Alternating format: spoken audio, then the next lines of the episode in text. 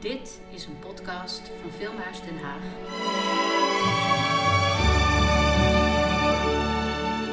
Dit is The Sound of James Bond, een podcast voor de tentoonstelling The Sound of Cinema, die te zien is in Filmhuis Den Haag. Mijn naam is John de Jong. Ik spreek met filmcomponist Matthijs Kieboom over 60 jaar James Bond muziek en de invloed die het had op zijn score voor de film Meesterspion.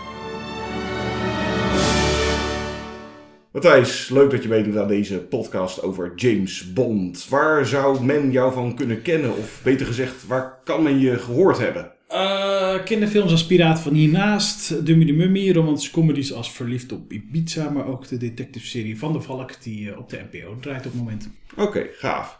En ben jij net als vele van ons, denk ik waarschijnlijk ook opgegroeid met de James Bond films? Zeker, zeker. Van jongs af aan. En heeft dat nog invloed gehad op je carrière of op je ontwikkeling als componist? Nou, in ieder geval op mijn slaaprust uh, als kind. Op de jonge leeftijd een aantal James Bonds gezien, waardoor ik slecht ben gaan slapen. Oh ja. Ik kan me nog als kind herinneren die, die Bond waar Jaws, weet je wel, die man met die stalen kaken in zat. Nachtmerries van gehad. Nee, absoluut. Um, heeft zeker um, invloed op mijn werk gehad. Ja, nog steeds. Een specifiek iets? Nou, um, vooral het, het denken in stijlen. James Bond is muzikaal gezien echt een hele aparte stijl. Het is een soort van combinatie tussen, tussen jazz, big band, maar ook orkestraal. En tegenwoordig ook juist die hele moderne sound. En, en, en dat blenden, die, dat mixen van al die stijlen, ja, daar heb ik wel van geleerd. Uh, ook door James Bonds. Oké, okay, ja. En was het dan uh, eigenlijk van jongs af aan ook met die films zo dat je misschien al meer aandacht besteedde aan de muziek? Um, nee, dat kwam eigenlijk pas op later. Ik, ik ben door andere films echt wel uh, op filmmuziek gaan letten, zeg maar.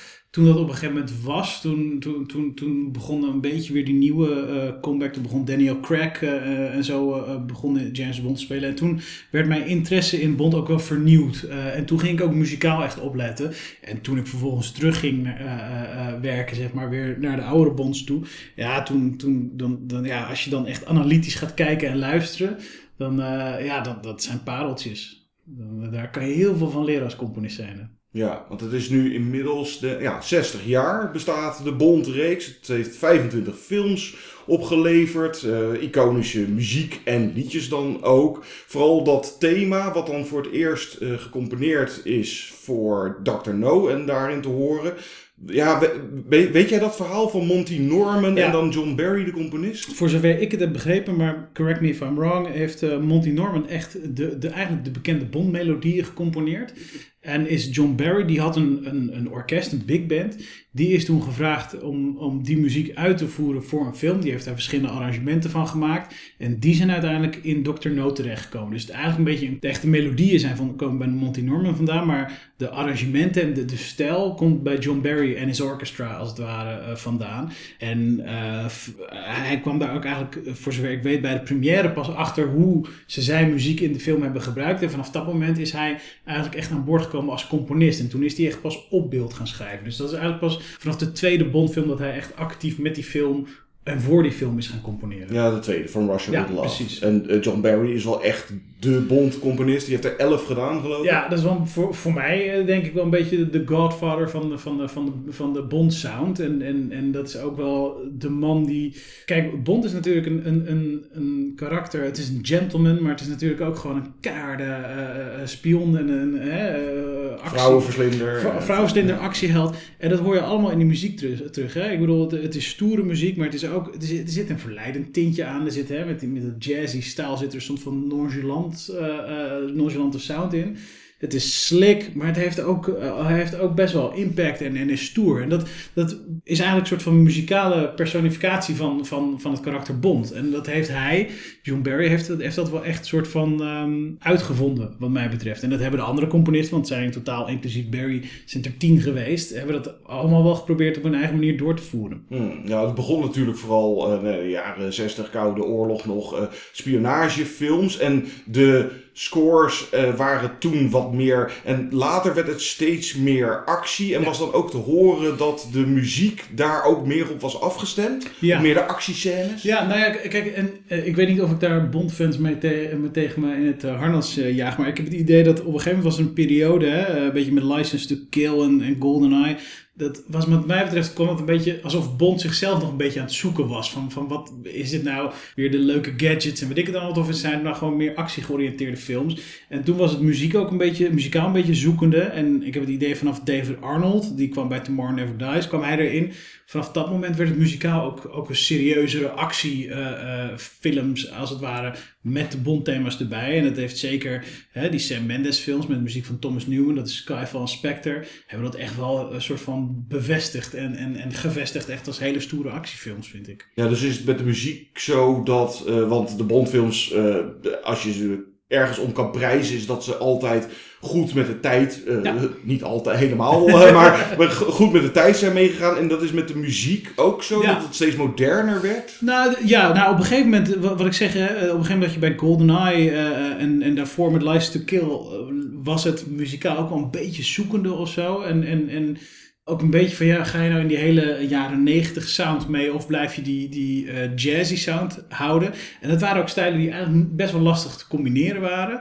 En nu, en dat, dat vind ik David Arnold dat heel goed heeft gedaan, maar ook zeker Thomas Newman daarna, uh, die, die, hebben weer nog een modernere sound die heel goed te combineren was met die wat meer big band vibe.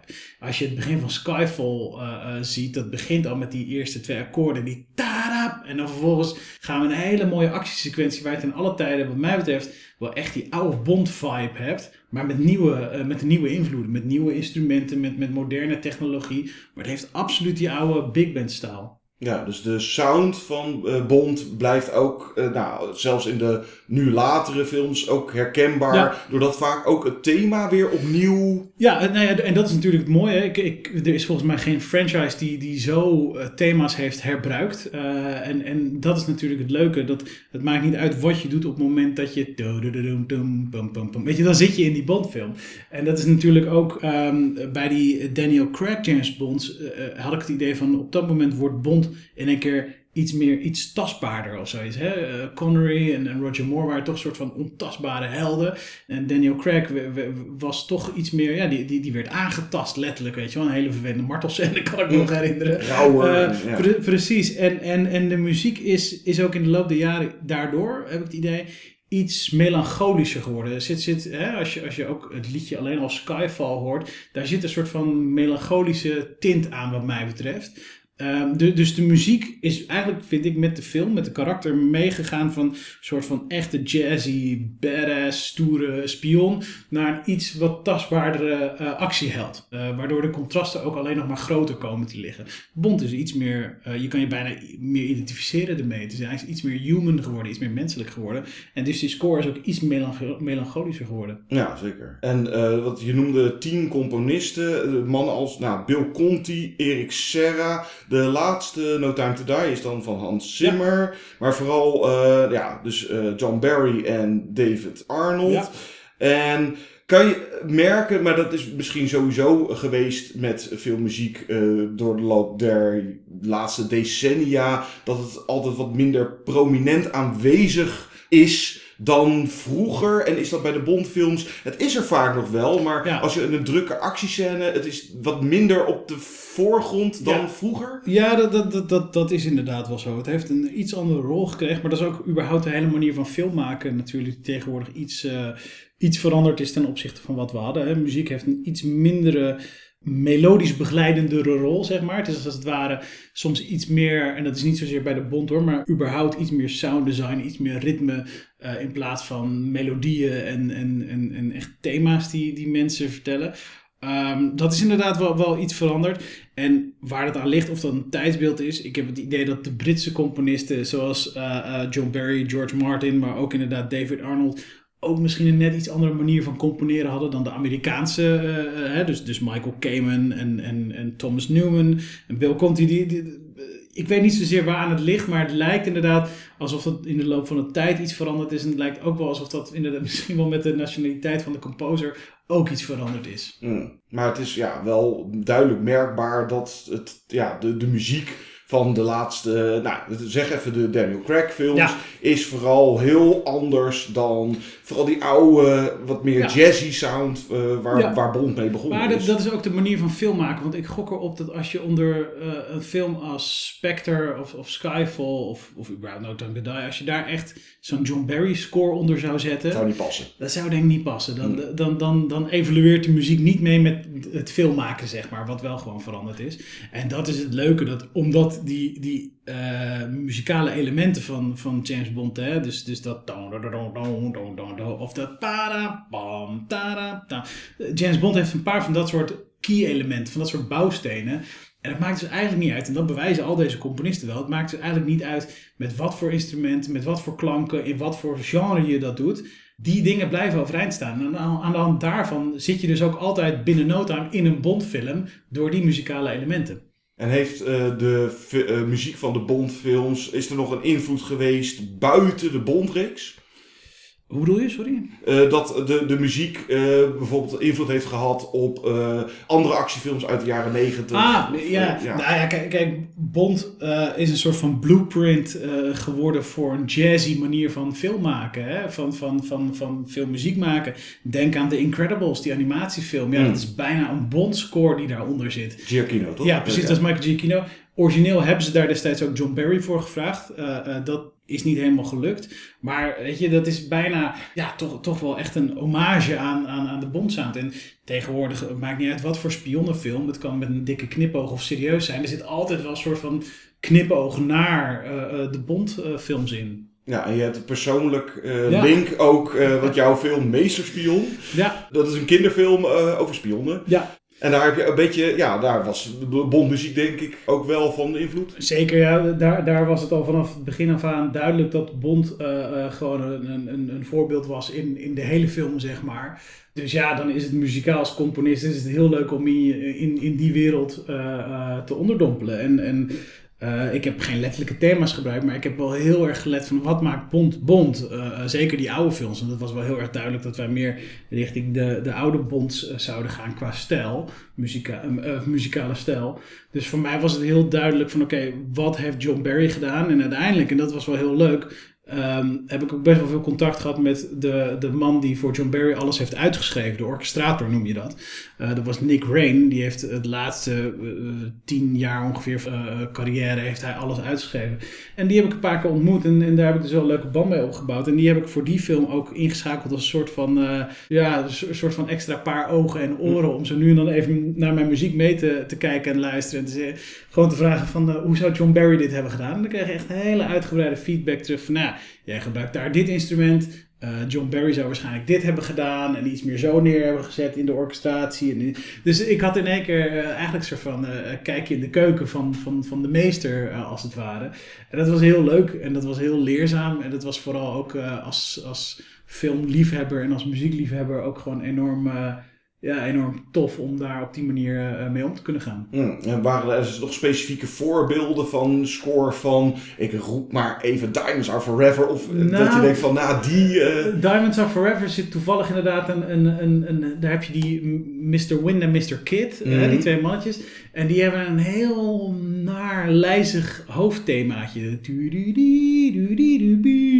Met een soort van basfluit. hm. Dat maakt het heel weeg, heel naar. En ja, dat soort dingetjes eh, bij die en eh, moet ik even zien, Thunderbolt zitten er ook een aantal dingen in waar ik heel veel naar heb geluisterd en ook echt wel ja, heel veel inspiratie vandaan heb getrokken. Ja, zeker. Moest je het dan wel een beetje aanpassen, omdat het natuurlijk dan een jeugdfilm betreft? Dat, of maakte dat eigenlijk Nee, niet ja, uit? Dan kon je de- hetzelfde soort muziek wel... Ik heb het wel op zich wel aangepast, maar dat is het leuke, hè? want de Bondmuziek is aan zich niet zo heel erg eng of zo. Het is wel spannend, maar het is niet eng. Moderne muziek met hele eh, zware synthesizer tonen en eh, zware gitaren soms, dat wordt al heel snel eng. Maar op het moment dat je lage contrabassen en trombones en weet ik het allemaal wat hebt, die vroeg gebruikt werden, dan wordt het wel spannend, maar het wordt niet zozeer eng. Dus ik mocht best wel eh, een serieuze variant daarvan maken, inderdaad. Dus daar heb ik me niet heel erg zitten inhouden, gelukkig. Oké. Ja, misschien nog wel bekender dan de score, de instrumentale filmmuziek, zijn dan wel de Bond-songs. Weet jij, eh, zijn die altijd populair geweest? Of zijn er echt voorbeelden van, dat was ook in de billboards, eh, was dat een hit? Of, Oef, dat zou ik niet zo heel erg Dat, dat weet ik niet uit mijn hoofd. Ook omdat ik niet... Ik bedoel, ik ken de liedjes goed uh, als, als iedereen, zeg maar. Uh, ik denk dat de meeste... Ja, naast het thema zullen de meeste mensen waarschijnlijk eerder de songs ja. kennen dan de scores. Ja, zeker. En het leuke is dat er ook altijd een soort van... Uh, hè, vaak, iedereen kent de liedjes als zijnde... Die zitten in het begin, maar vaak wordt het DNA van die liedjes ook nog verder in de muziek wel meegenomen. dat is verwerkt ook. In precies, ja, ja, ja. Er, zitten, er zitten bijvoorbeeld in de film Skyfall... zit er ook op een aantal momenten heel goed het thema van, van het liedje Skyfall. Ja, dat, dat is gewoon super slim gedaan. En het is natuurlijk... Uh, ook, ook, ergens een hele slimme marketingtruc geweest. Hè, om, om liedjes in de film dat samen op die manier naar buiten te brengen. Um, maar die liedjes hebben volgens mij altijd wel een, een, een, een prominente plek gehad. Ook omdat iedereen altijd heel benieuwd is van... oké, wie komt er dit keer weer met een liedje? Van wie is het dit keer? En, um, en dan heb je die openingscredits natuurlijk. Precies. De song. Uh, precies. Shirley Bassey heeft het drie keer gedaan. Maar ja. Uh, Wings en Paul McCartney, Live and Let Zeker, Die. Ja. Uh, Duran Duran in de 80s. Ja. Tina Turner, dat vreselijke ding van Madonna. En, en eigenlijk pas...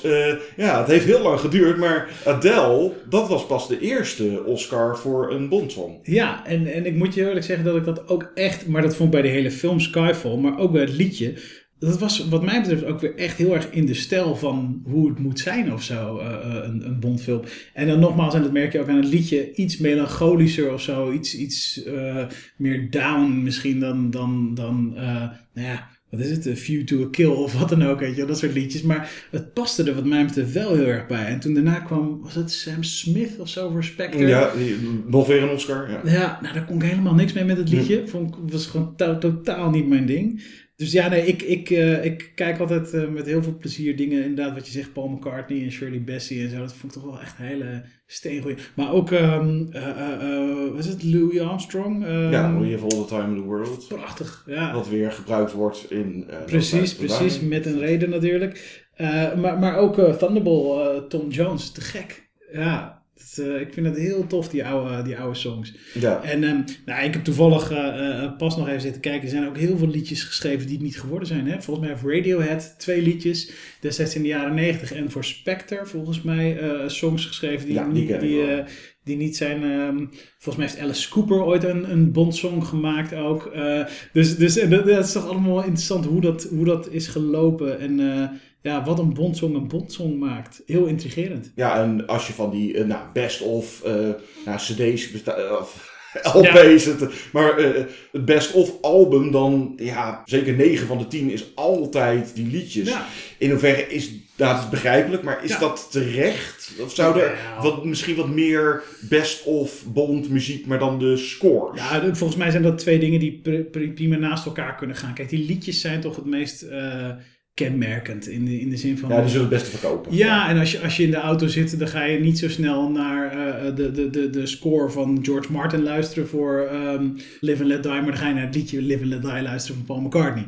En, en, en dat komt ook alweer terug naar wat ik net zei over die liedjes waren ook een beetje, in, de, in de zin van die Roger Moore periode, heb ik het idee dat, dat Bond bijna soms meer, meer komisch, of in ieder geval echt wel heel erg met een dikke knipoog.